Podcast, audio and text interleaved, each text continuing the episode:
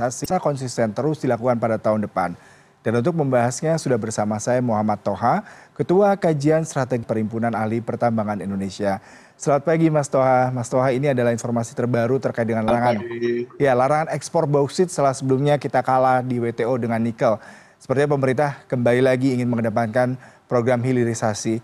Lalu dengan pelarangan ini apa yang Anda lihat Mas? Apakah memang merupakan salah satu cara untuk meningkatkan kualitas produksi mentah Indonesia sehingga bisa membuka lapangan pekerjaan dan peluang baru di sini?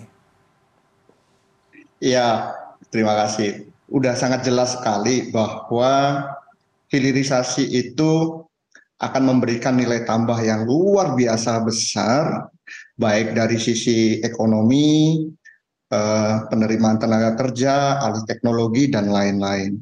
Maka seperti yang dikatakan oleh Pak Jokowi bahwa transformasi ekonomi eh, Indonesia ke depan itu tertumpu pada bagaimana kegiatan hilirisasi terhadap mineral yang kita miliki itu bisa dikembangkan itu 100% benar. Kita selama ini diberikan kekayaan sumber daya alam yang luar biasa. Kita punya nikel, kobalt, terus kemudian ada uh, timah, tembaga, dan juga bauksit. Tetapi karena kita tidak mempunyai teknologi yang memadai, modal yang juga tidak cukup memadai, sehingga apa? Kekayaan yang kita miliki ini kita ekspor dalam bentuk uh, raw material, dalam bentuk biji. Padahal kita tahu raw material ini mempunyai nilai ekonomis yang sangat rendah. Nah, kita mau mengubah itu yang sudah kita lakukan di nikel. Kita berhasil melakukan transformasi luar biasa sejak tahun 2015 yang lalu dari yang sebelumnya kita hanya bisa mengekspor uh, raw material biji nikel, kemudian uh, dengan kebijakan hilirisasi itu harus dilakukan, akhirnya uh, perusahaan-perusahaan itu membangun pabrik pengolahan di Indonesia.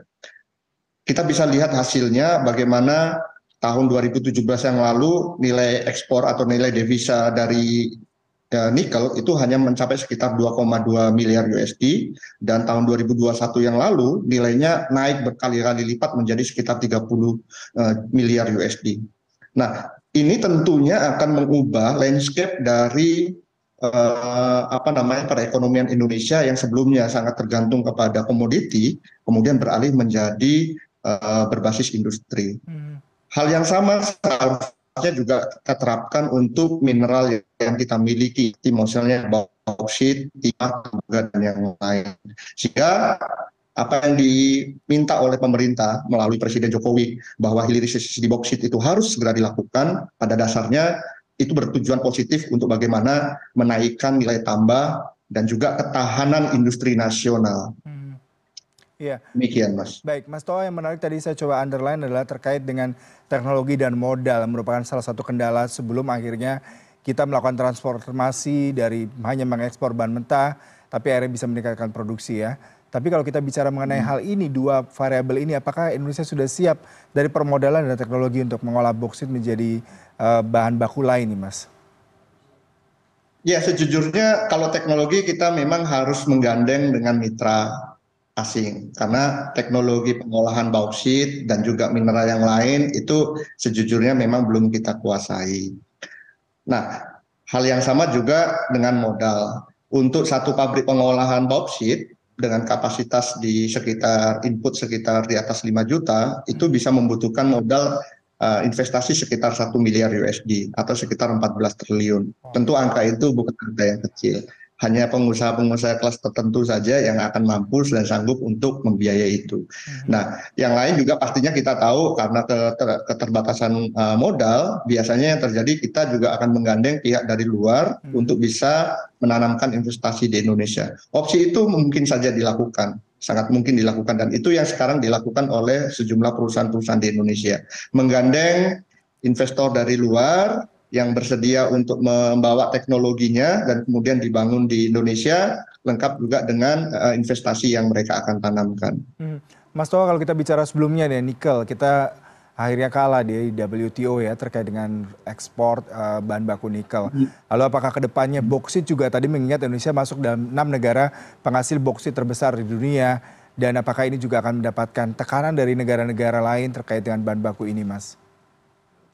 Bisa jadi sangat mungkin karena sekali lagi siapa yang menguasai mineral ke depan itulah yang menguasai dunia karena mineral-mineral seperti nikel, tembaga, timah, uh, bauksit itu adalah material-material yang dipakai untuk industri uh, strategis. Hmm. Artinya uh, negara-negara seperti Eropa, terus kemudian uh, negara Amerika dan yang lain-lain itu adalah negara yang menguasai teknologi, tetapi mereka tidak mempunyai sumber daya alam. Jepang, Korea segala macam itu tidak mempunyai nikel, tidak mempunyai uh, bauksit gitu kan. Tetapi industri mereka justru membutuhkan material-material tersebut.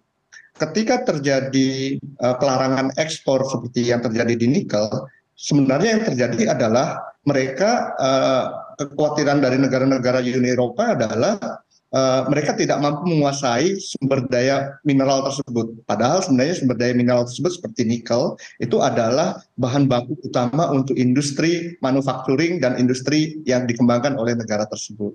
Mm-hmm. Nah, khususnya bauksit itu mungkin juga akan terjadi hal yang sama gitu kan karena negara-negara yang saat ini menjadi penguasa teknologi itu sama sekali tidak mempunyai sumber daya alam mm. maka apabila ada hambatan uh, terhadap ketersediaan bahan baku untuk industri mereka itu jelas-jelas akan mengancam keberlangsungan industri di dalam negeri dari negara-negara tersebut. Hmm. Nah, tapi sekali lagi hilirisasi ini sudah kita tahu bahwa nilai manfaatnya bagi negara kita sangat luar biasa besar ya kan? Ya. Artinya apakah kemudian dengan ancaman kita akan dibawa kembali ke WTO akan menyurutkan langkah kita untuk melakukan hilirisasi? Menurut saya sebaiknya kita tidak perlu tidak perlu khawatir berlebih, walaupun perlu perlu juga kita harus berhati-hati dalam menerapkan kebijakan ini. Hmm. Jangan sampai kemudian uh, apa hal yang sama seperti kasusnya di WTO terhadap nikel itu terjadi. Tetapi pada dasarnya hilirisasi itu sudah amanat dari undang-undang mhm. dan kita semua sudah tahu bahwa hilirisasi itu akan justru menyebabkan negara ini negara kita itu melakukan transformasi ekonominya gitu kan beralih dari berbasis komoditi menjadi berbasis uh, industri dan itu akan positif dari sisi apa pun ekonomi sosial dan yang lain-lain. Hmm.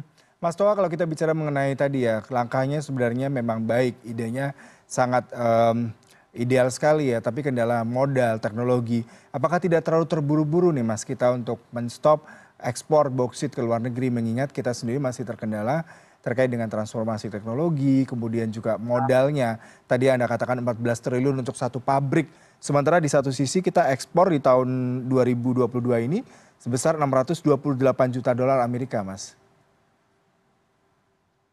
Uh, sejujurnya amanat untuk melakukan hilirisasi itu sudah ter, tertuang dalam Undang-Undang nomor 4 tahun 2009, which is berarti itu sudah sekitar 13 tahun yang lalu. Okay. Itu amanat dari undang-undang. Dan dalam kurun waktu 13 tahun itu sebenarnya pemerintah sudah memberikan ruang dan waktu yang cukup besar, hmm. cukup longgar dan lama kepada uh, pengusaha dalam negeri untuk menyiapkan uh, pabrik pengolahan. Tetapi memang betul tidak semudah itu, tidak semudah itu. Uh, tetapi di satu sisi kita bisa mencontoh hilirisasi yang cukup berhasil di nikel, di mana hilirisasi di nikel itu mulai uh, menggeliat di tahun 2015 ketika pemerintah memutuskan untuk mengeks, menghentikan ekspor uh, biji nikel. Dan saat itu kemudian uh, karena tanda petik pengusaha ini terpaksa kalau tidak mereka tidak bisa jualan biji nikelnya akhirnya mereka banyak kemudian menggandeng perusahaan-perusahaan dari luar untuk kemudian membangun pabrik di dalam negeri. Hasilnya apa? Hasilnya sampai hari ini itu sekitar 90 pabrik pengolahan nikel sudah terbangun di sejumlah wilayah di Indonesia. Nah, memang tidak semudah itu juga untuk mengcopy paste kasus keberhasilan di nikel untuk bauksit. Tetapi setidaknya kita sudah melihat kalau tadi uh, Mas Yuda mengatakan nilai uh, devisa dari bauksit itu tahun 2022 sekitar 0,6 miliar USD kan, hanya 600 juta USD. Di nikel itu sudah sekitar 30 miliar USD, Mas. Hmm. Angkanya jauh lebih besar kan. Kenapa? Karena yang dihasilkan oleh uh, hilirisasi di nikel sudah bukan lagi produk uh, bahan mentah, tetapi intermediate produk yang mempunyai nilai tambah jauh lebih besar daripada uh, biji. Iya kemudian ini terkait dengan smelter mas. Serapan smelter sendiri kita bicara terkait dengan seandainya ekspor bauksit dihentikan apakah serapan smelter sudah cukup dan bagaimana pula dengan proyek smelter alumina mas? Ya betul. Data data menunjukkan bahwa produksi biji biji biji bauksit di Indonesia itu sekitar 30-an juta per tahun. Sementara pabrik yang saat ini sudah beroperasi itu hanya sekitar tiga, di mana uh, kapasitas produksinya, uh, maaf, kapasitas input biji uh, bauksit-nya itu uh, hanya sekitar tidak lebih dari 5 juta. Hmm. Artinya ada uh, selisih sekitar 15-an juta uh, hasil produksi penambangan yang kalau kemudian ini ekspor biji ini dihentikan itu menjadi tidak bisa terpasarkan. Ini menjadi tantangan juga sih.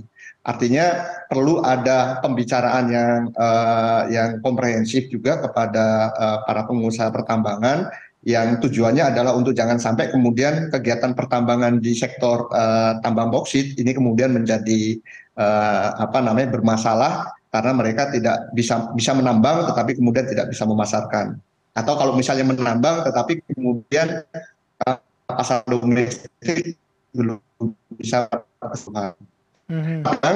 yang tadi saya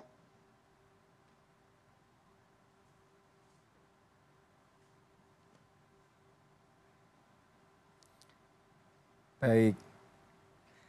Seperti masih ada kendala komunikasi dengan Mas Muhammad Toha. Terima kasih sekali dengan Mas Muhammad Toha selaku Ketua Kajian Strategis Pertambangan Perhimpunan Ahli Pertambangan Indonesia. Kami mohon maaf tadi komunikasi terganggu tapi kita sudah mendapatkan informasi yang cukup aktual terkait dengan perkembangan rencana untuk menstop uh, boksit Indonesia di tahun mendatang.